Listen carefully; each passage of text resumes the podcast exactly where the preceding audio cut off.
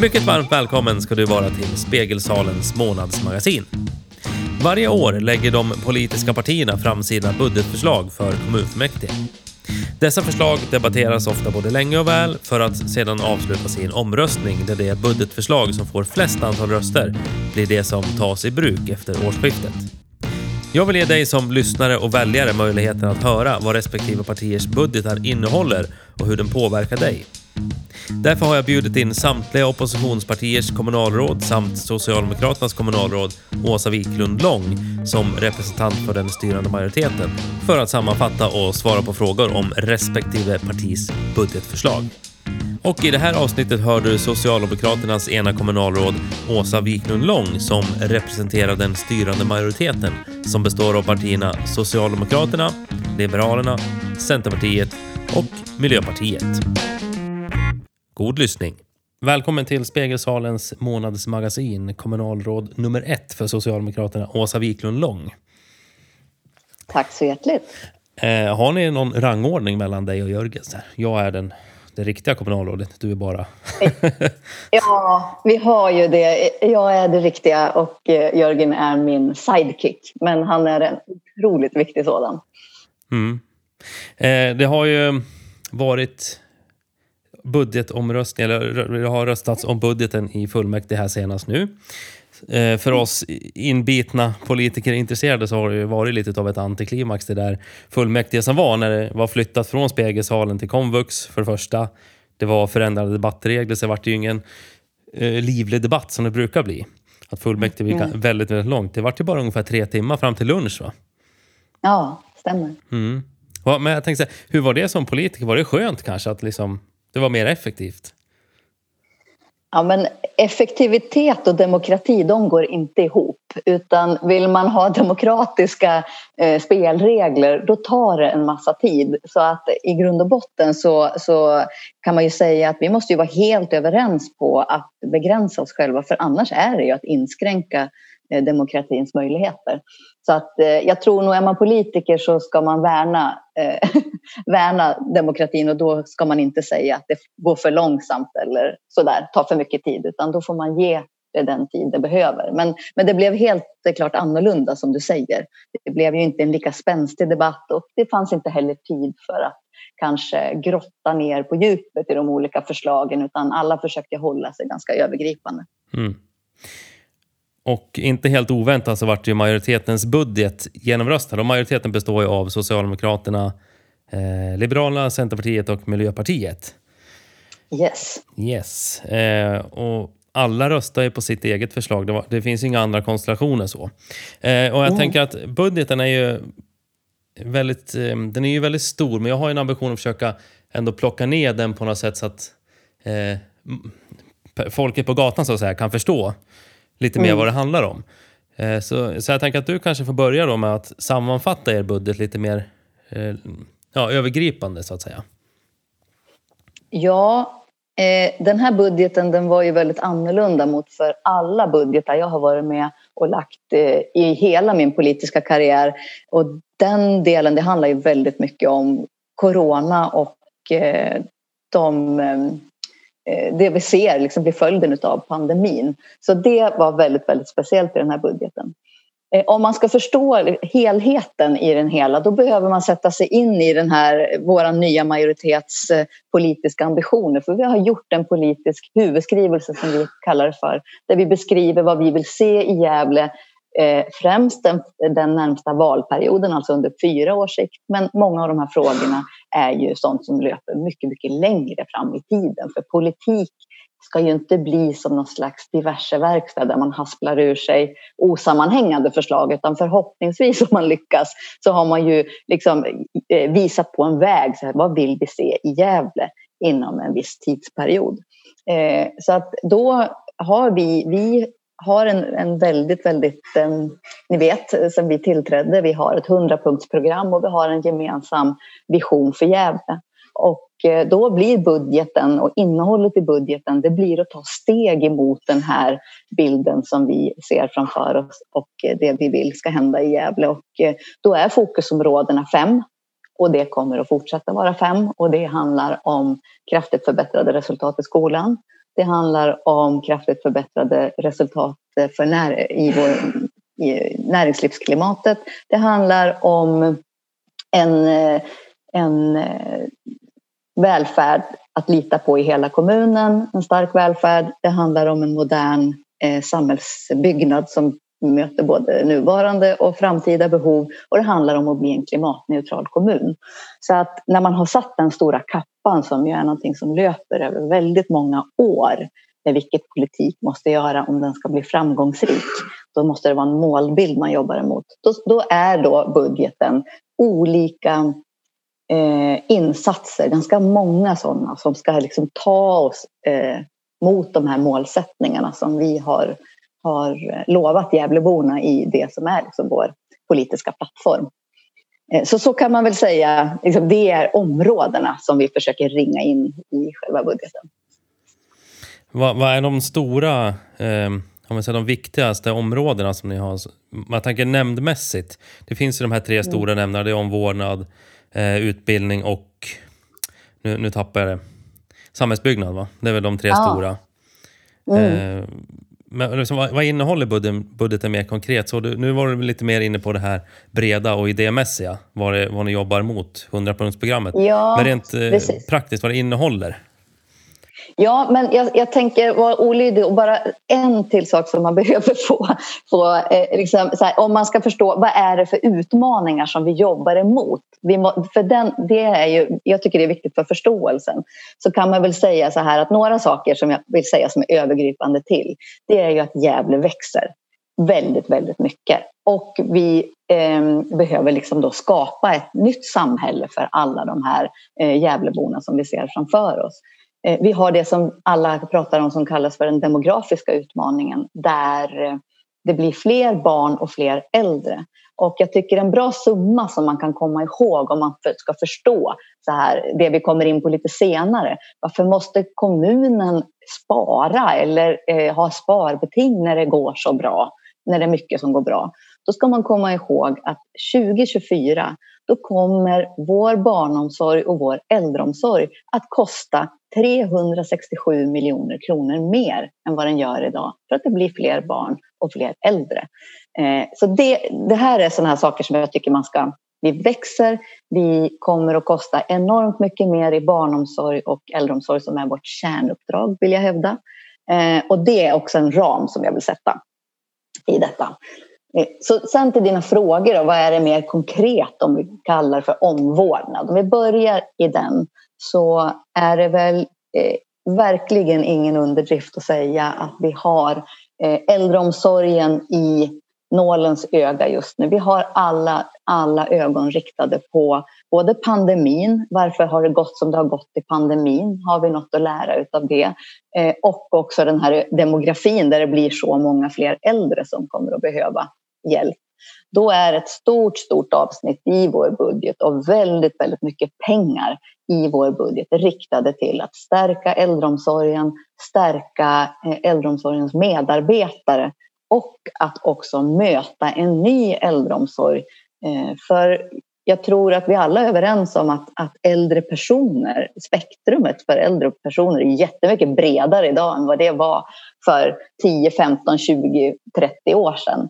Eh, idag har vi som sagt var väldigt många pigga pensionärer men vi har också väldigt, väldigt många äldre äldre, vilket ju är en jätteframgång för oss. Så att våra, det som vi kallar för äldreomsorg kommer att behöva vara ett jättelångt spann eh, och mycket, mycket större område framåt än vad vi är vana vid.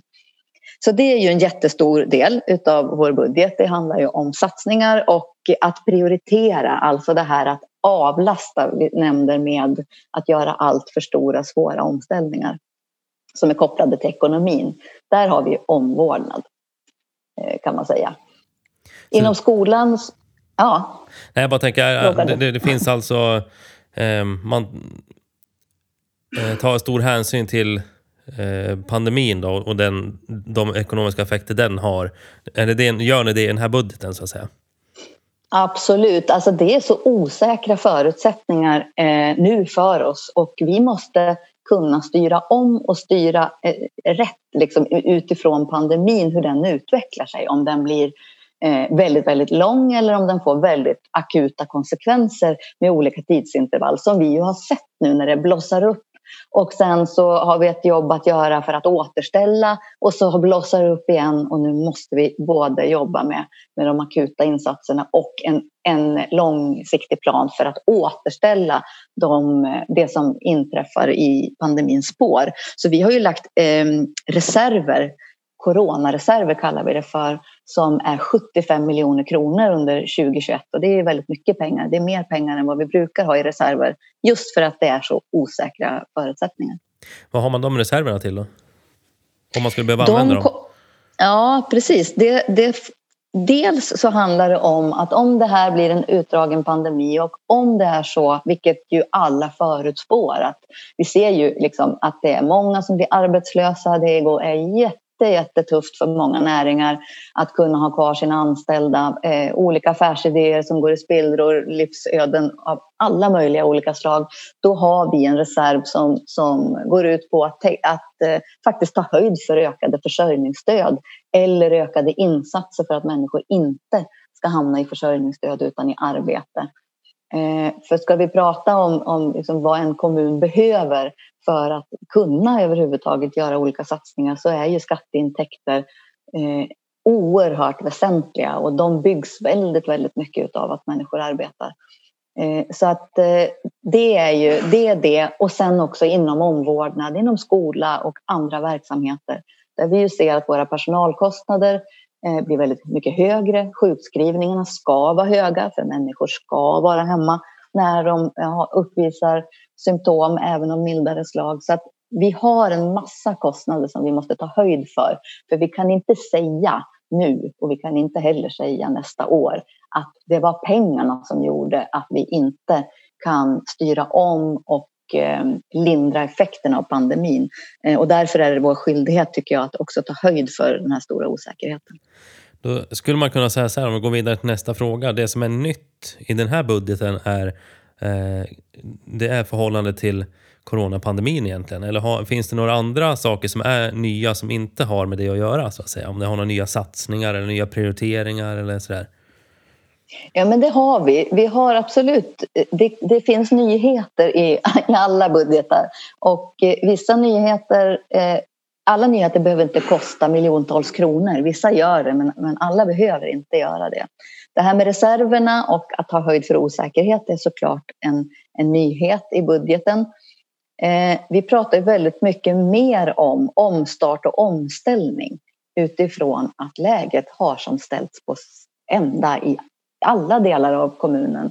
Ehm, och därför så måste vi eh, ta, egentligen ska vi dra nytta utav eh, att vi har hamnat i den här situationen för precis som vi var inne på tidigare när vi ser att mer och mer pengar måste gå till eh, välfärdens kärna då måste vi tänka, vi kan inte göra av med lika mycket pengar idag och då lägger vi stort krut nu på att göra kloka effektiviseringar. För alla effektiviseringar är inte sånt som Eh, ger sämre kvalitet och är dåligt utan vi pratar om digitaliseringen, att vi skjutsar på den nu och att vi faktiskt hittar vi nya samarbeten nu eller ser att man kan arbeta annorlunda som vi har gjort på många områden under pandemin, ja men då kanske inte kommunen ska gå tillbaka och göra som man gjorde förut utan det kanske är andra som ska göra jobbet som görs eller vi kan hitta nya effektiviseringar som blir det blir billigare för oss och vi blir fler som delar på eh, arbetsuppgifterna. Så det är ju någonting nytt i den här budgeten. Eh, Sen vill jag nämna två saker som, som är, eh, kanske, ja det finns ju jättemånga att nämna, men trygghet är en fråga som står högt på Gävlebornas eh, agenda och på den politiska agendan såklart. Och ni vet att vi har jobbat med trygghetsplaner som har tittat lite grann på de Eh, fysiska eh, förutsättningarna, alltså vad är det som, hur ser det ut i stadsdelarna? Finns det eh, trygghetsinsatser ehm, som kan göras av belysning eller slyröjning eller lite, ja men den där typen av insatser. Nu fördjupar vi det arbetet och kommer att jobba med någonting som vi kallar för stadsdelslyft.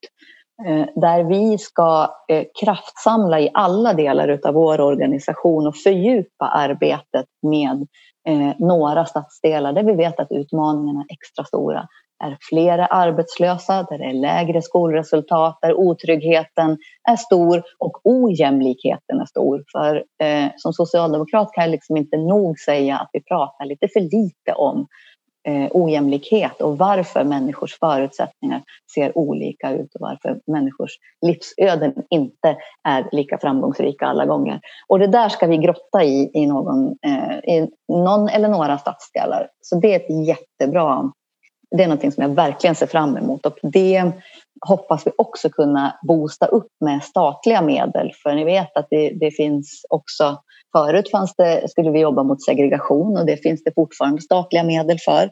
Men eh, idag pratar ju staten om någonting som man kallar för förortslyftet, den, eller någonting ditåt. Eh, det är väl ungefär det här och det ska vi försöka eh, boosta upp våra egna kommunala medel med statliga pengar så att vi kan jobba mer fokuserat med de här, ett, ett större angreppssätt än bara trygghetsplanerna. Och vi kommer att jobba med någonting som jag ska nämna som vi kallar för Förenkla i Gävle.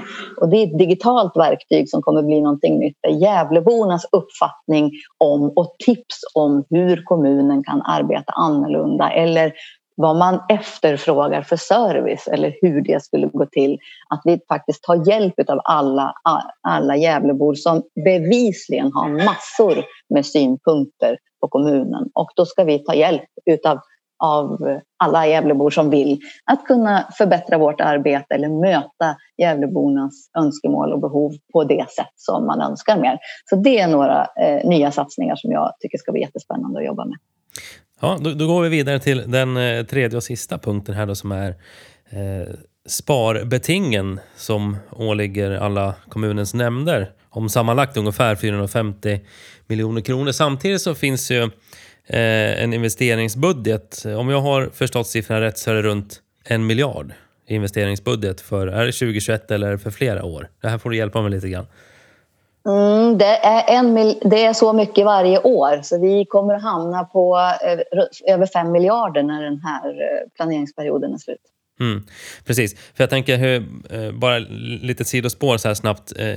För gemene man så kanske inte det låter så himla logiskt att vi måste spara en halv miljard men vi ska också investera en miljard. Då kanske man ska ta en halv miljard av den där miljarden så slipper man spara på ordinarie verksamhet. Kan man inte göra så? Mm. Nej, eh, när jag eh, uttrycker mig slarvigt och det kanske inte säger någonting för en, mer än för politiska nördar så brukar jag säga att det där är Danderydssyndromet. Så där har vissa moderatkommuner gjort där man använder investeringspengar till drift och, och, och eh, det är fullständigt, eh, det går inte att arbeta med investeringar och eh, verksamhetskostnader, alltså driften, i samma påse. Det är fullständigt livsfarligt för då kommer man gå i konkurs, vilket vi inte kan göra som kommun. Men i sinnevärlden, om man tänker sig, då gör man av med mer pengar än vad man faktiskt har. Det vi behöver tänka på och hålla i, i tanke backarna samtidigt. Det är det jag inledde med. Gävle växer. Vi är fler och fler Gävlebor. Inom en tioårsperiod så tror vi att vi kommer att vara ungefär 120 000 invånare. Då, förstå, behöver vi ju bygga förskolor, skolor, äldreboenden, idrottsanläggningar, kulturinstitutioner, för det tycker vi också är viktigt, och annat som möter en större befolkning. För vi kan inte ha lika lite av det vi har om vi faktiskt alla ska få en möjlighet att vara med. Och eh, det är inte, jag tror att skulle du fråga till exempel föreningslivet eller någon så finns det nästan ingen sport som säger att vi har tillräckligt Eh, goda förutsättningar utan alla vill ha mer av allt. Så det är ju en del. Så här. Vi måste möta en ökande befolkning. Det är en, en del. Eh, en ökande befolkning gör ju också, som jag var inne på, jag nämnde siffran 367 miljoner kronor. Så mycket mer kommer barnomsorg, och äldreomsorg och skola att kosta eh, om eh, 2024. Då måste ju vi planera för att vi ska ha råd med det 2024. Alltså pengarna kommer inte ramla från himlen eller att de bara dyker upp av sig själva utan vi måste planera för att så där mycket mer utrymme ska gå till det. då blir det så att verksamheter som ligger utanför skola, vård och omsorg, de måste bidra till att vi ska kunna lägga mer pengar till detta. Och då blir det så att det blir ett ökat sparbeting för verksamheter utanför kommunens kärnverksamhet och det blir något mindre för andra. Så att ett sparbetinget egentligen handlar om att förbereda sig, ta höjd för ökande kostnader sedan. Eh, för, och som sagt, då ska vi dessutom investera så vet ju alla om man bara tittar på sin privatekonomi att det är otroligt känsligt om man bara skulle låna. Ja, idag får man ju inte ens låna för 100 procent av det man vill köpa och det ska ju inte heller kommunen göra. Vi måste ha ganska bra resultat eh, som vi kan använda för att betala våra investeringar så vi inte behöver låna Eh, för alltihopa. För det är otroligt känsligt för kommande Gävlebor eller eh, framtida generationer om vi skuldsätter oss alldeles för mycket. Så att det är ena delen. Men, men, man får inte glömma det här som vi också var inne på. Alltså vi måste ju öka intäkterna. Vi ska öka skatteunderlaget, vi ska jobba för att fler ska få arbete och vi ska möjliggöra att näringslivet kan växa och vi ska få nya etableringar. Det är också ett sätt att möta framtida kostnadsökningar, att öka på sina egna intäkter. Så vi ska inte liksom bara tänka att vi ska spara oss till det här utan vi ska också satsa oss till det här för att få mer pengar eh, att fördela framåt. Så det är flera olika spår här som går ihop. Ja, men vad jag kan utläsa av ett diagram som jag såg i er budget och så eh, räknar man inte med att eh, inkomst, alltså skattekraften kommer att öka i samma takt som eh, invånarantalet. Alltså det kommer finnas ja. fler invånare med färre som betalar skatt. Innebär det då att vi har att förvänta oss en skattehöjning lite längre fram? Inte nödvändigtvis, för det beror helt på hur man hanterar den ekonomi man har. Eh, nu är jag socialdemokrat och vissa har någon felaktig bild av att sossar älskar att höja skatten. Eh, jag säger så här att man ska inte ha högre skatt än vad man behöver för att kunna möta de behov som finns. Eh, så att det, det går inte att dra den slutsatsen. Men man kan inte, om man inte vill höja skatten, vilket jag inte vill, för det finns inget självändamål med det, eh, då måste man jobba med kostnadssidan. Och det här är också en anledning till att vi måste titta på vilket uppdrag vi har, kanske snäva åt kärnuppdraget och faktiskt inte ja, titta på vad är det kommunen verkligen behöver göra. För du har helt rätt att eh, anledningen till den här kurvan som du sa när det blir fler som, eller färre som betalar skatt, det handlar ju om just det här att när det blir fler barn, ja de betalar inte skatt. Eller när de som eh, har gått i pension inte längre har, har eh, lön som man betalar skatt på, ja men då blir det ett mindre skatteunderlag och det måste vi täcka upp på andra sätt. Mm. Vi har redan dragit över på tiden, men jag vill ändå ställa frågan. Hur, vad har ni för plan på att ändå nå de här målen på alltså sparkraven? Första året är det ju inte, det är inte 450 miljoner på ett år, utan eh, det är väl runt 80 någonting 2021. Nu har jag inte den siffran framför mig och inte huvudet heller. Nej, inte jag heller. Jag har den inte precis i, i huvudet. Eh, men som sagt var, det handlar... När jag pratar om också att ställa krav på att ständigt bli effektivare. Vilket företag som helst eller vilken kommun som helst måste titta på sina kostnader och hur kan jag jobba smartare eh, eh, för att det ska bli billigare. Så det, vi lägger ganska stora krav på kommundirektören och hans förvaltning att de ska jobba med administrativa krav, eh, administrativ omställning, eh, digitalisering och annat som gör att kostnadsbilden ska, ska bli lägre. Så att vi kommer att jobba. Sen ser vi också Vissa nämnder har ju det tufft. Kultur och fritid har det jättetufft. De har ett stort sparbeting för, för deras storlek.